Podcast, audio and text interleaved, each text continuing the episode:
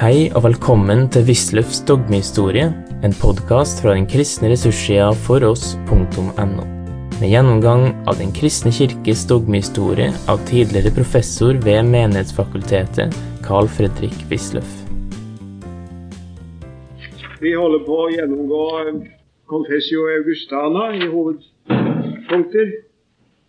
Og um, vi eh, hadde sist eh, snakket om eh, nattvern.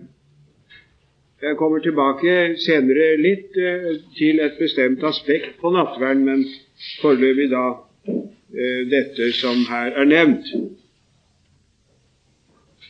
Vi går videre.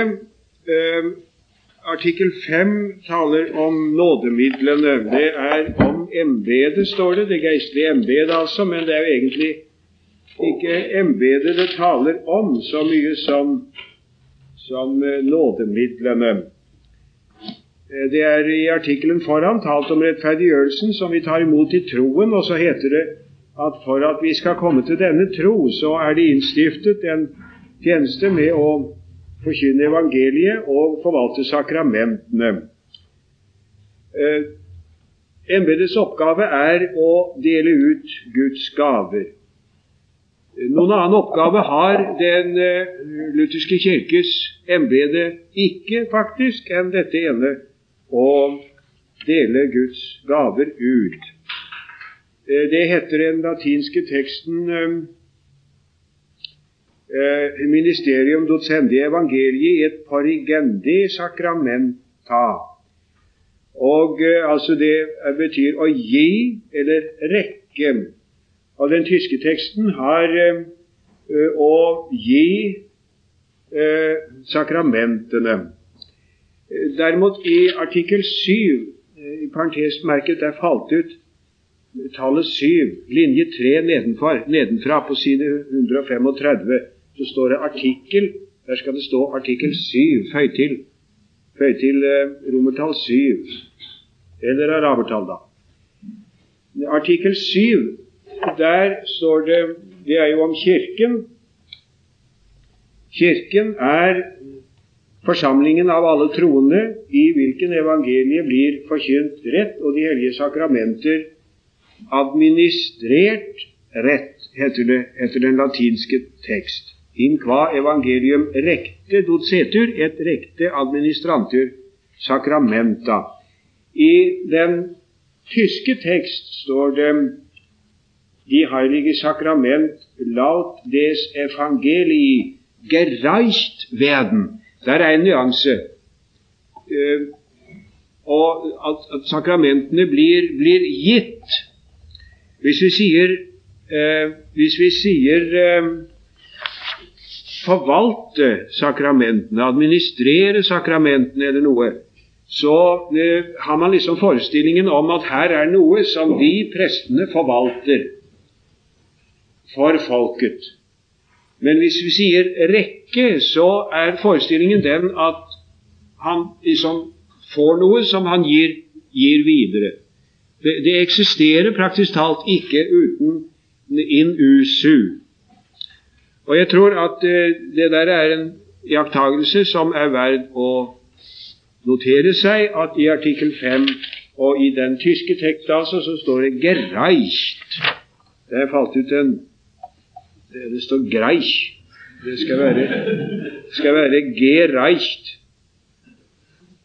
Gereicht skal det være. Gereicht werden. Jeg har anført eh, Askmark, som sier at et embete må Kirken ha fordi ordet må ha noen som forkynner det, og sakramentene noen som byr det fram. Det er den eh, svenske Ragnar Askmarks eh, store avhandling om eh, det geistlige embetet. Eh, og den, Det er en setning dette altså som skal gjengi, parafraserende, den reformatoriske oppfatningen. Det er helt korrekt. Det er akkurat sånn det er. Hvorfor har vi et embete? Fordi ordet må ha noen som forkynner det, og sakramentene må ha noen som, som rekker det, gir oss dem. Det er en tjeneste med ord og sakrament, og noe annet er det ikke. En sammenligning med det katolske prestebegrep er der klargjørende. Jeg har valgt å vise til en bestemmelse av Thomas av Aquino, som sier at presten har en dobbelt gjerning. For det første konsekrare verum corpus Christi, og for det andre preparare populum ad susceptionem huius sacramenti, hvortil kommer messens offer. Eh, altså, eh, her er eh, alt konsentrert om Eukaristien, simpelthen, med hovedvekt på offeret. Hvis han skal preke, så må han ha et nytt kall til det, faktisk. Mens derimot den evangeliske pastor, han er primært kalt til å forkynne evangeliet og forvalte sakramentene. Den katolske prest er offerprest. Han er sacerdos. Det er akkurat det han er, for det betyr på klassisk latin en offerprest. Og hans tjeneste er et sacerdotium, en offerprestetjeneste. Det er akkurat så det er. Eh, han tjener med Eukaristien og forvalter messens offer. Men eh, den evangeliske kirke fremhever at Det nye testamentet kjenner ikke noe sånt offerpresteembete. I Det nye testamentet er det ikke noe annet offer for synd enn Jesu Kristi offer, og det er fullbrakt én gang for alle. Vi har ikke noe annet offer enn å en takkeoffer, takke og prise Gud for Hans store nåde imot oss. Og Følgen av dette igjen, når altså presten etter, katol, etter luthersk oppfatning, pastoren etter luthersk oppfatning ikke har mer enn ett oppdrag, nemlig å forkynne evangeliet og forvalte sakramentene, så følger derav at det er ikke mer enn ett geistlig embete. Det er ikke mer enn ett. Det vil altså si at forskjellen mellom prest og biskop er ikke av teologisk art, men av rent kirkerettslig, administrativ art. Det eh, sier eh, Eh, det har vi uttrykkelige ord om i eh, det såkalte anhang til de smalkaldiske artikler, Traktatus de potestatet primatu papa av Melanchthon, som er undertegnet av de andre reformatorene. Eh, der heter det ganske uttrykkelig at det er bare ett embete.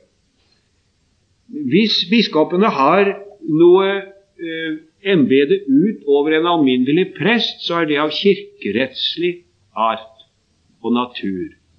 Han kan f.eks. ha Ja, på reformasjonstiden så var de jo verslige herrer, og, og, det hadde jo vært sånn som de vil huske fra kirkehistorien helt fra Otto den stores tid. Det er viktig å merke seg denne eiendommelige struktur i Tyskland. Det var jo Otto den stores, uten all tvil, en av de geniale politikere i europeisk historie. Otto den store, den første, på, eh, på 900-tallet. Han hadde jo trøbbel med alle disse lensherrer rundt omkring, for de ville gjøre seg selvstendige, og når en døde, så var det straks en sønn som skulle overta.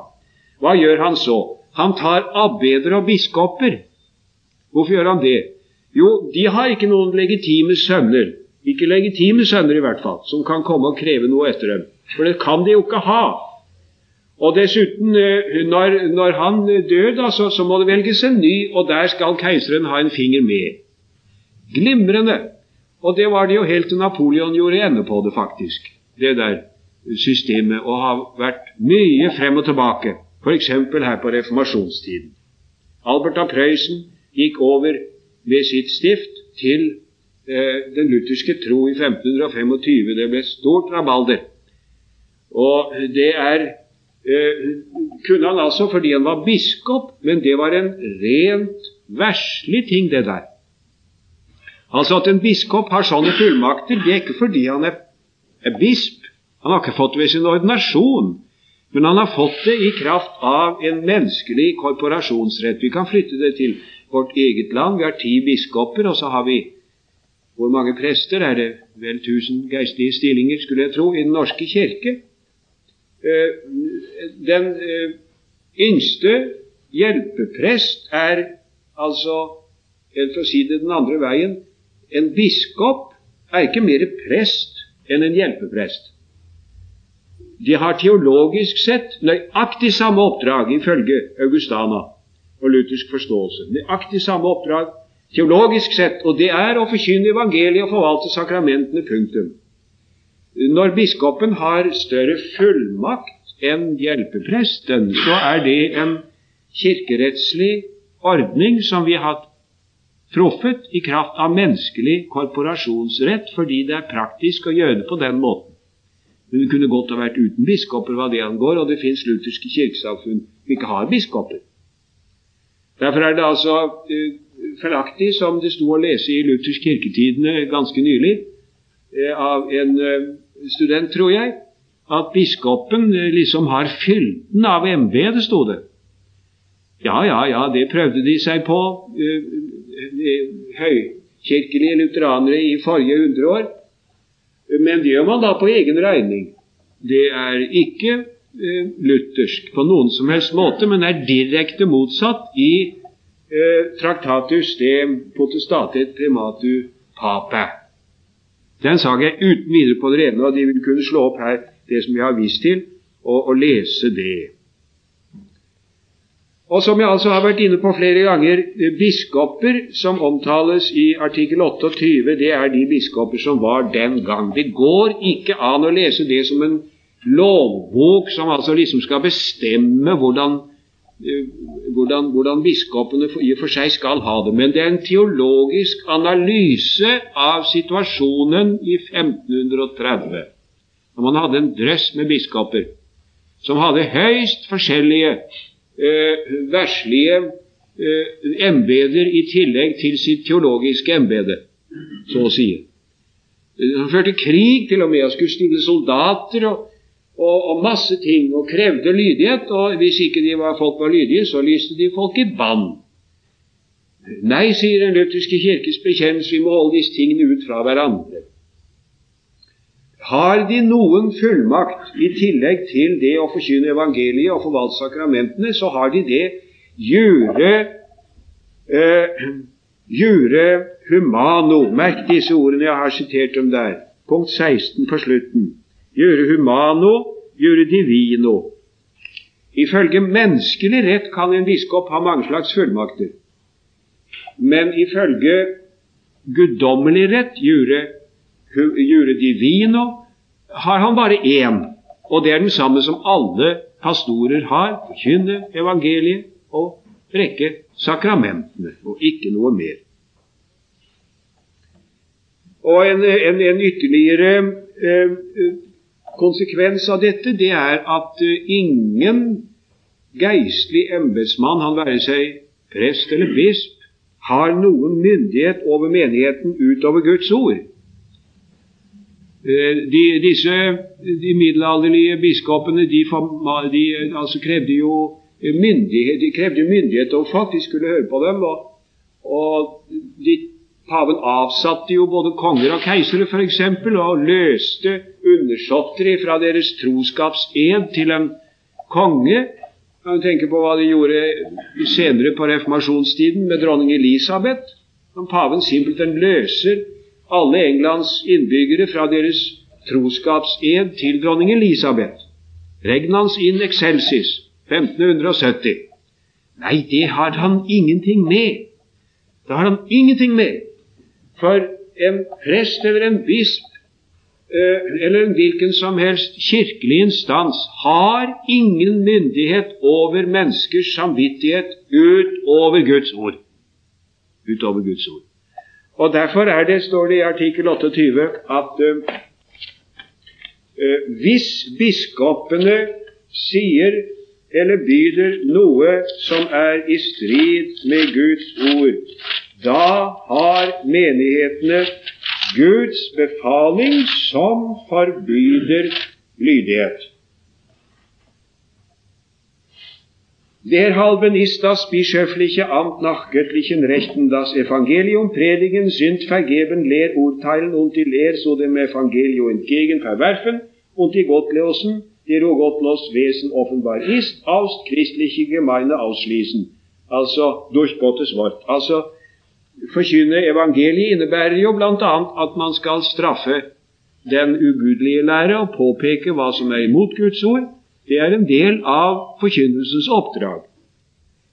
Eh, og i disse ting er menighetslemmene skyldige til å høre biskopene etter Guds, etter Kristi ord hos Lukas, den som hører eder, hører meg. Når det da står biskopene, så skal man ikke si ja, altså biskopene har fylden av embetet. Nei, langt ifra det. Det er ikke, men, er ikke sånn, men det er en teologisk analyse av situasjonen i 1530, dette. Og ikke noe annet. Så det gjelder en prest like mye som en bisp, naturligvis. Og når han forkynner Guds ord, da har vi plikt til å høre på han. Men, står det, wo sie aber etwas dem Evangelio entgegenlehren, setzen oder aufrichten, haben wir Gottes Befehl in solchem Fall, dass wir nicht sollen gehorsam sein. Og så er det henvist til vokt dere for de falske profeter, og, og, og, og det er sitert Galaterne 1 om en engel fra himmelen lærer eder noe som er imot evangeliet, han være forbannet. Eh, der har vi for øvrig også læren om det alminnelige prestedømmet på et viktig punkt faktisk har vi det. Jeg har tidligere nevnt at Blankton berører ikke det alminnelige prestedømmet i Augustana. Ikke med rene ord. Og det kan nok ha sin grunn og årsak i eh, dels at det var ikke så voldsom sak for Melanchthon som det var for Luther, men særlig grunn at det var x 404 punkter, fire sitater, 404 sitater som jeg nevnte, hvor eh, denne læren var presentert med, med, med, sitater fra sånne skumle folk som Thomas Münzer og, og eh, Balthazar Hochmeier og Hans Denk og sånne, hvorved lutherdommen var blitt kompromittert. Så har han vært forsiktig og ikke nevnt det, men her er et viktig punkt nevnt. Hvis biskopene, prestene, det er samme det, forkynner eller lærer noe som er imot evangeliet, da har menighetene Guds befaling som forbyr dem å høre på dem. Etter det her. Og Det er jo klart da videre at uh, oppfatningen av nåden, at den er Guds miskunnelige sindelag, favor, ikke donum, men favor, Guds hjertelag. Nåden bor i Guds hjerte, og at evangeliet er det nåderike budskap om det fullbrakte verk, og at sakramentene også er eh, kanaler for Guds nåde. De har betydning for synet på Kirken. Vi møter her et eh, personalt kirkebegrep, artikkel 7 og 8, akkurat som hos Luther. Det er jo de berømte artikler 7 og 8, ofte anført stundom galt sitert. Vi lærer også at det alltid må være en hellig kristelig kirke. Quod una sancta ecclesia perpetua mansura sitt. Det er en trosartikkel. Det skal alltid være en hellig kirke på jorden. Est autem ecclesia congregatio sanctorum in qua evangelium recte docetur et recte administrantur sacramenta. Eh, der står ikke sånn som eh, Augustana 7 samtidig blir sitert. Eh, man sier Kirken er der hvor evangeliet blir rett forkynt og sakramentene rett forvaltet. Det er naturligvis riktig.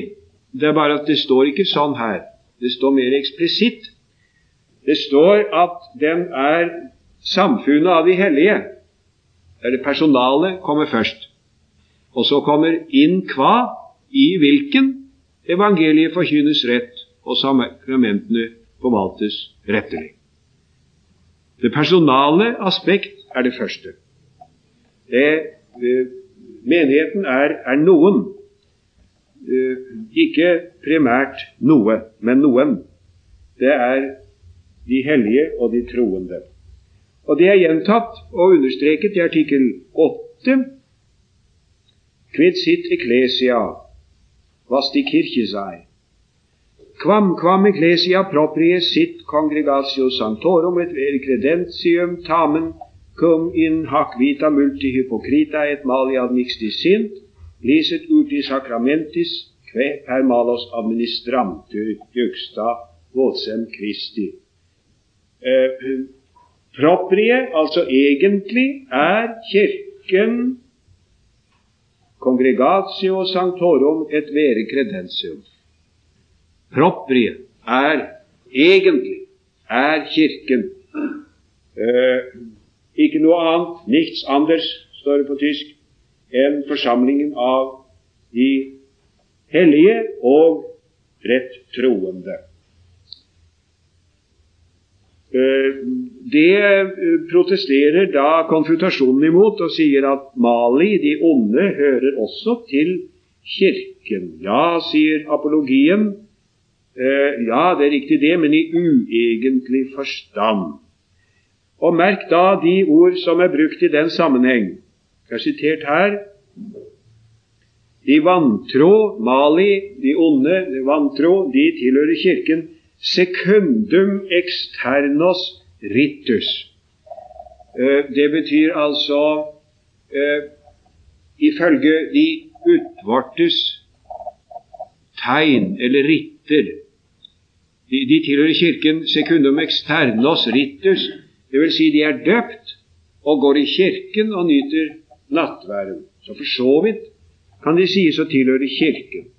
Eller de tilhører Kirken nomine non re. I navn, ikke i sak, heter det her. Cum definitur ecclesia necesse est eam definiri, Kvæ sitt vivum corpus Christi idem kve est nomine et, uh, et re ecclesia. Når man skal definere Kirken, så må man definere den kirke som er det levende Kristi legeme, og som er Kirken både i navn og i sak, heter det. Altså, man går ut ifra en ideal forståelse av hva Kirken er. Den er de hellige og troende, en ren personalbestemmelse.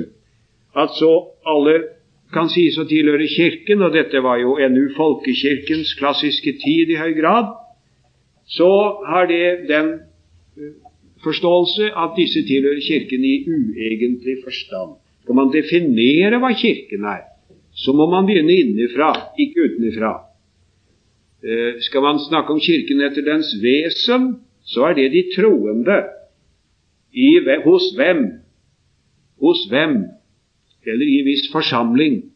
Eh, ordet forkynnes rett, evangeliet forkynnes rett, og sakramentene forvaltes retteri. Det er jo en eh, stående diskusjon innenfor lutherdommen hvorvidt eh, det der liksom er sagt én ting eller, en, eller to ting i artikkel 7. Altså est autem ecclesia congregatio santorum in qua evangelium recte docetur et recte administrantur sacramenta. Denne in qua-setningen, føyer den noe nytt til, eller definerer den bare den første setningen? Altså, Den første setningen heter 'Kirken er eh, de, forsamlingen av de hellige'. Og så kommer in qua i hvilken evangeliet forkynnes rett, sakramentene forvaltes rettelig. Er da innkvasetningen en, eh, et tillegg? Sier den noe nytt og mer? Eller forklarer den bare hva som står i den første setning? Eh, etter min mening er det siste tilfellet. Den vil egentlig ikke føye noe nytt til. Den sier bare hva som er meningen når det står 'sankti'. Sankti er ikke hvem som helst, men det er de som bruker nådens midler. Det er de som er døpt, hører evangeliet og nyter nattværen. Jeg må samtidig allikevel nevne at det gis en annen forståelse, ifølge hvilken det er av i innkvasetningen er tenkt liksom mer på Kirken etter dens ø, ordningsside, dens organisasjonsmessige struktur. Det finner jeg for min del allikevel eh, litt sannsynlig i betraktning av utredningene i, i apologien, hvor det uttrykkelig heter, som jeg har sitert her, at når man skal definere Kirken, så må man definere den kirke som er Bibel Corpus Christi. Eh, katolikkene hadde, altså konfutatorene, hadde oppfattet riktig det at eh, etter denne forståelse så hører hierarkiet ikke med til Kirkens vesen. Det hadde de forstått. Det så de straks. Sånn som eh, Augustana definerer Kirken, så hører et hierarki egentlig ikke med.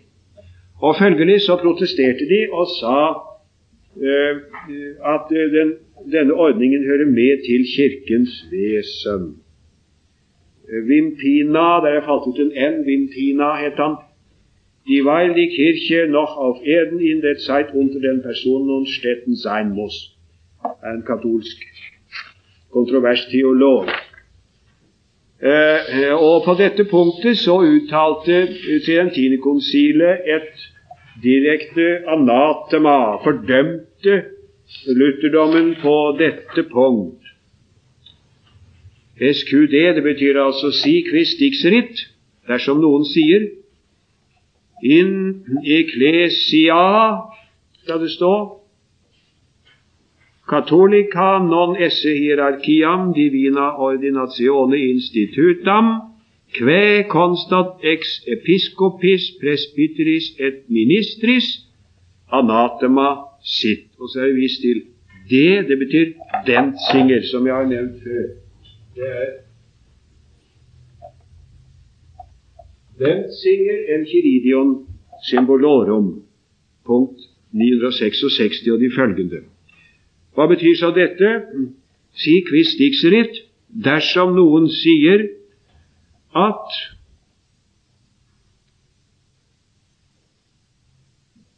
eh, der i den katolske kirke, den alminnelige kirke, ikke er et guddommelig instituert hierarki som består av biskoper, eh, prester og tjenere, kan være anatema. Eh, der er det altså, kan man skjelne den katolske forståelse av embetet som tredelt. Du sier det er jo syv embeter, men det egentlige presteembetet er tredelt. Det består av prest, og eh, består av biskop, prest og diakon. Eh, det, det er de tre egentlige embetsgrader. Og, og denne trehet hører med til Kirkens vesen. Uten et embete som har biskoper, prester, diakoner, ingen kirke, sier den katolske kirke da. Eh, de, eh, så sier da den eh,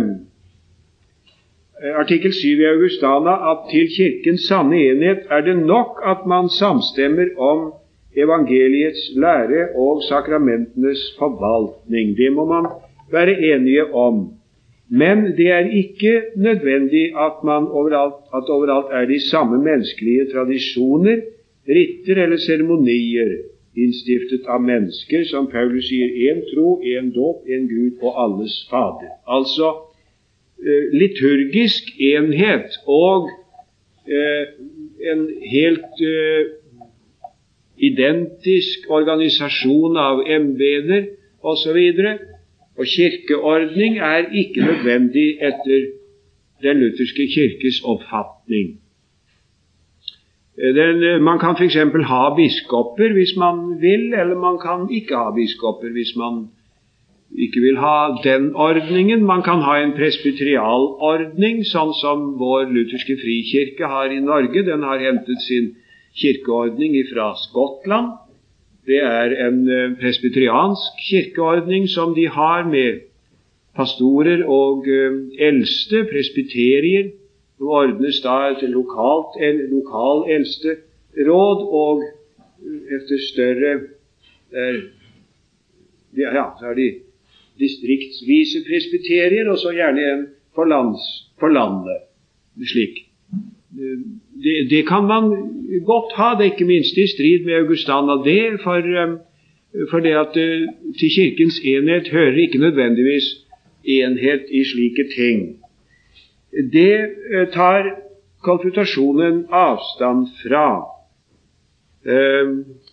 Og, og sier at det er, det er ikke Det er nødvendig, mener de katolske, med enhet på dette punkt. Det har de ikke gått da nærmere inn på, og faktisk så er jo ikke katolikkene eh, strengt eh, de, krever ikke streng enhet, de heller, for så vidt. Man kan tenke på de unerte ortodokse. Unerte, ja. Hvis de blir spurt om hva, om hva det betyr, unert, så skal de se godt til hva de svarer. For unert, det kan være unert mellom, det kan være unert mellom romersk-katolsk og gresk-ortodoks. Det fins unerte der, og det fins unerte mellom luthersk og reformert. Her er det da altså naturligvis tale om de unerte ortodokse. Det fins noen på Balkan, det fins noen i Lilleasia, det fins noen forskjellige steder som har ortodoks ritus, som er helt forskjellig fra den romersk-katolske men de anerkjenner paven som over, kirkelig overhode. Så helt strikte ikke de heller, da, men de kan, kunne ikke tale så sorgløst som Augustana allikevel. Artikkel 14 er da denne som spilte sånn en umådelig rolle i kirkedebatten i vårt land i forrige hundre år. Eh, ingen må tale offentlig i Kirken eller administrere sakramentene, nisi rite vocatus. Det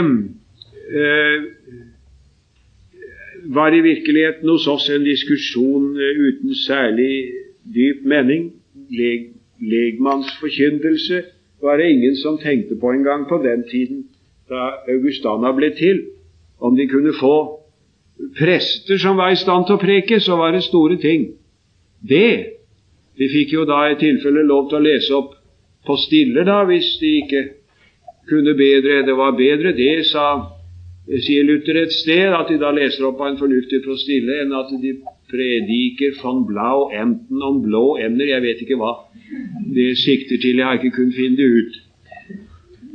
Så om man, om man hadde kyndige folk som kunne preke såpass at de kunne ha fått prester, så var visst det storartet. Så det er ikke tenkt på det engang, den problematikken. Det er tenkt på at det skal være en ordnet forvaltning av nådens midler. In ecclesia publice.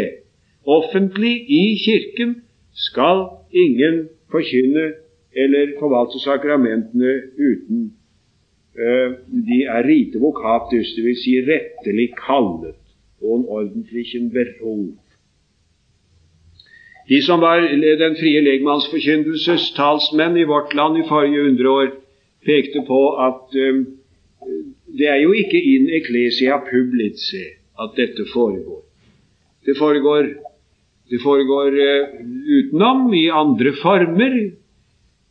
In, det er ikke in ecclesia publice. Og de pekte på Luthers sitatet, hvor han sier at uh, man kan godt gå til, man har en betynget samvittighet, kan man godt gå til en nabo, et kristenmenneske, og be ham at han må høre skriftemål og tilsi en syndens forlatelse i Guds navn. Derimot i Kirken, sier Luther, der skal det et farher sitte. Ingen kan anmasse seg den plassen, for han har berov og skal ha den. Slikt argumenterte man da hos oss, men sånn var det ennå ikke i det hele tatt aktuelt å diskutere i 1530. Det skal altså være en ordnet forvaltning av nådens midler. Jeg minner om hva jeg sa.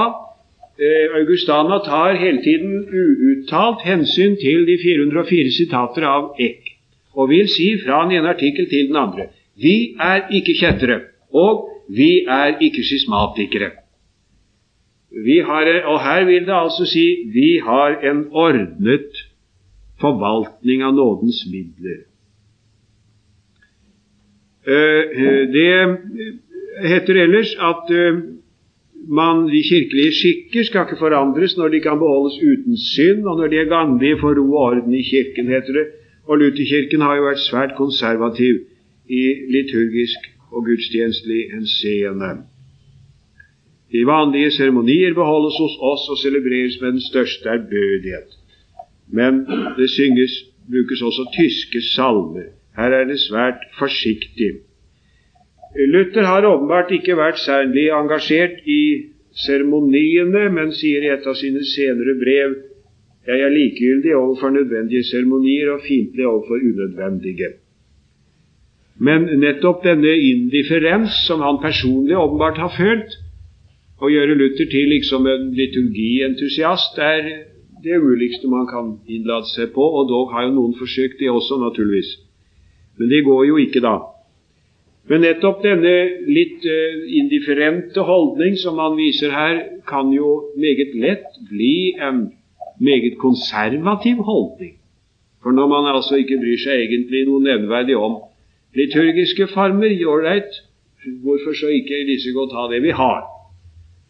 Å bråke med noe forandring blir bare spetakkel.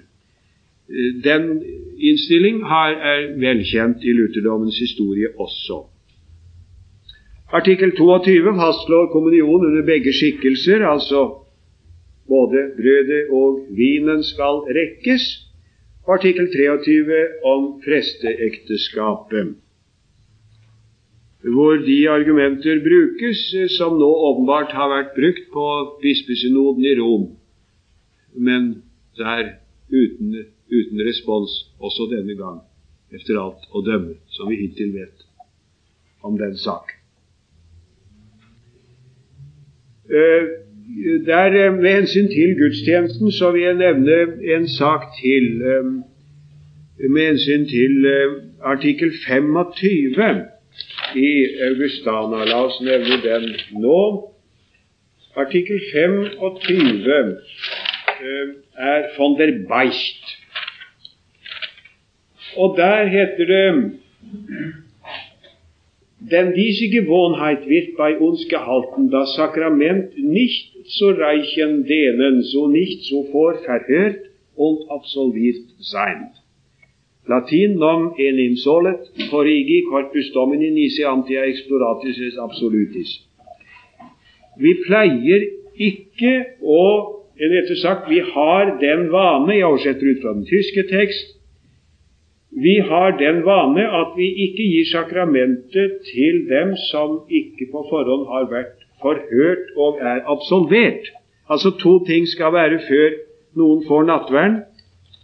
Han skal være eksploratus, forhørt. Og hva meningen er med det, kan vi lese i f.eks. i Unterrichter Visitatoren av 1528 av Melanchthon, eller Formula Miss er Luther hvor det heter at man skal spørre folk ut om kan du troen, kan du, kan du altså de tre troens artikler, kan du de ti bud, kan du dåpens og nattverdens innstiftelses ord, vet du hva nattvern er for noe? Og det skal de da gjøre rede for, ellers så får de ikke gå til alters. Og så skal de skrifte sine synder og bekjenne dem for presten, og så skal han tilsi dem syndenes forlatelse, altså absolvere dem. Eh, dette ble stadig innskjerpet, f.eks. i kirkeritualet av 1685. Eh, men eh, dette gjør man jo ikke alle steder ennå hos oss i Norge. Dette med forhør, at man spurte folk ut, det opphørte forholdsvis snart. Og så begynte man på, allerede på 1600-tallet Eh, med det som nå kalles det alminnelige skriftemål. Presten leser opp en, en bekjendelse på alles vegne, slik som vi har det i Kirken, der hvor man har alminnelig eh, skriftemål, som man da kan legge sitt hjerte i. Og så kommer presten og legger hånden på hver enkelt især og tilsier ham syndenes forlatelse. Det var i full sving allerede på 1700-tallet hos oss. Peder Herslev forteller om en prest som på en halv time hadde absolvert 300 nadværgjester. Jo da, det har jo ikke vært mye forhør der. Og nå er det jo overhodet ikke vanlig å spørre folk om de kan katekismen, som vi vet. Og de fleste steder er det nå heller ikke noe slags absolutt, noe slags uh, uh, skriftemål i det hele tatt. Eh, absolusjonen den, eh, i 1886 da ble det tillatt, som unntagelse hette, å nyte nattverden uten skriftemål. Og i 1907 ble det gitt generell tillatelse til å gå til alters uten å ha deltatt i skriftemålet. Altså, Den ordning som vi nå har de fleste steder, den er ikke i verbal overensstemmelse med artikkel 25 i Augustana. Det er med andre ord ikke så lett å si ut fra tradisjonen hva som er luthersk. Eh, den, vi må være klar over at tradisjonen er ikke noe ufeilbar tolkning av, hva, av, av, av bekjennelsen. Det er noen som gjerne mener det, at når en, når, en, når en, ting i Augustana har vært forstått sånn og sånn gjennom hele tiden, da forplikter det oss. Da er det den rette forståelse. Det kan man imidlertid ikke gjøre. Det er ingen som gjør det. Det er f.eks. ingen som anser det for nødvendig, i hvert fall, å forvalte nattverden etter den bokstavelige forståelse av artikkel 25.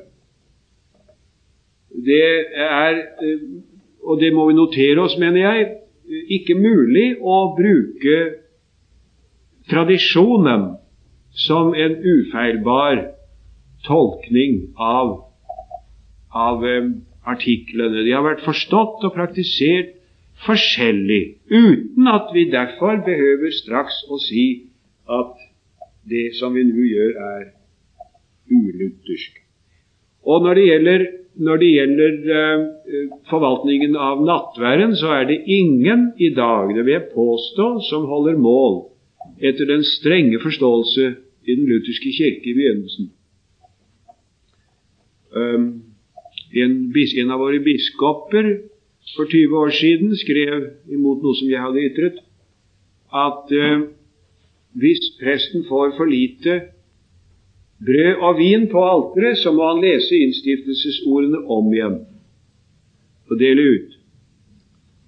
Og han siterte til uh, støtte herfor et brev av Luther om en stakkars pastor som hadde delt ut en ikke konsekrert oblat, en oblat som presten ikke hadde lest innstiftelsesordene over. Om han sier da Luther, la ham gå til han kan gå til sine svinglianere, for der hører han hjemme. Og det var på hengende hipp at han ikke ble avsatt. Han hadde sittet i varetektsarrest for sikkerhets skyld i tre uker, og det syntes Melanchthon kunne være passe. Så etter at han hadde lovet bot og bedring, så ble han tatt til nåde igjen. Til det svarte jeg da tilbake at heller ikke biskopen selv eh, holder seg efter det som her var foreskrevet. Han kjente ikke den fulle tekst av dette brevet som han hadde sitert. Eh, situasjonen var den at mannen hadde 17 nadværgjester. Man måtte vite hvor mange nadværgjester man skulle ha. Det står uttrykkelig i kirkeritualet av 1539 og kirkeritualet av 1685. Man skal vide tallet. Man skal vide tallet på dem som skal berettes. Og så hadde han tellet opp 17 oblater. Men da han, da han eh, så var kommet til nattveigjest nummer 17, så hadde han ikke flere oblater igjen. Han kunne ikke finne han. Hva gjør han så? Han går tilbake til alteret, og der står der en eske. og Oppi den hadde han oblater. Så tok han en av dem og ga bonden. Etterpå så ble oblaten funnet på gulvet. Oblat nummer 17.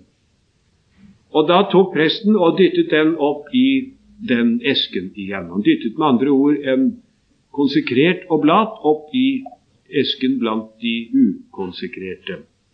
Det var hans feil nummer to han har gjort. Meget alvorlig sak. Ut fra det påsto jeg overfor vedkommende biskop, og jeg vil hevde det fremdeles, er det ingen, heller ikke Hans Høyverdighet, som forvalter nattverden på rett luthersk vis om søndagen. Ikke tale om. For det er ikke bare i tilfelle en å sende klokkeren ut i sakristiet og hente inn mer brød eller vin at man må lese om igjen. Men det som er på patenen, er konsekrert. Ikke det som står i Pyksis en liten meter foran ham på, på bordet. Det er ikke konsekrert. Adam Besserer, som han het, denne mannen, han gjorde nøyaktig det som alle prester gjør i dag, og som biskopen gjorde, og trodde han var in salvo. Han er det ikke. Fiks. Det er ikke nok. Den esken sto rett foran ham på bordet. Han rakte ut sin hånd og tok esken. Tok en tolat. Det var galt. Det var ikke konsekrert. Han hadde ikke hatt den på patenen og lest den over. Det er lurt. Du har nå hørt Wisløffs dogmehistorie. Finn flere ressurser og vær gjerne med å støtte oss på foross.no. Følg også gjerne noen av våre andre podkaster, f.eks. For oss-podden.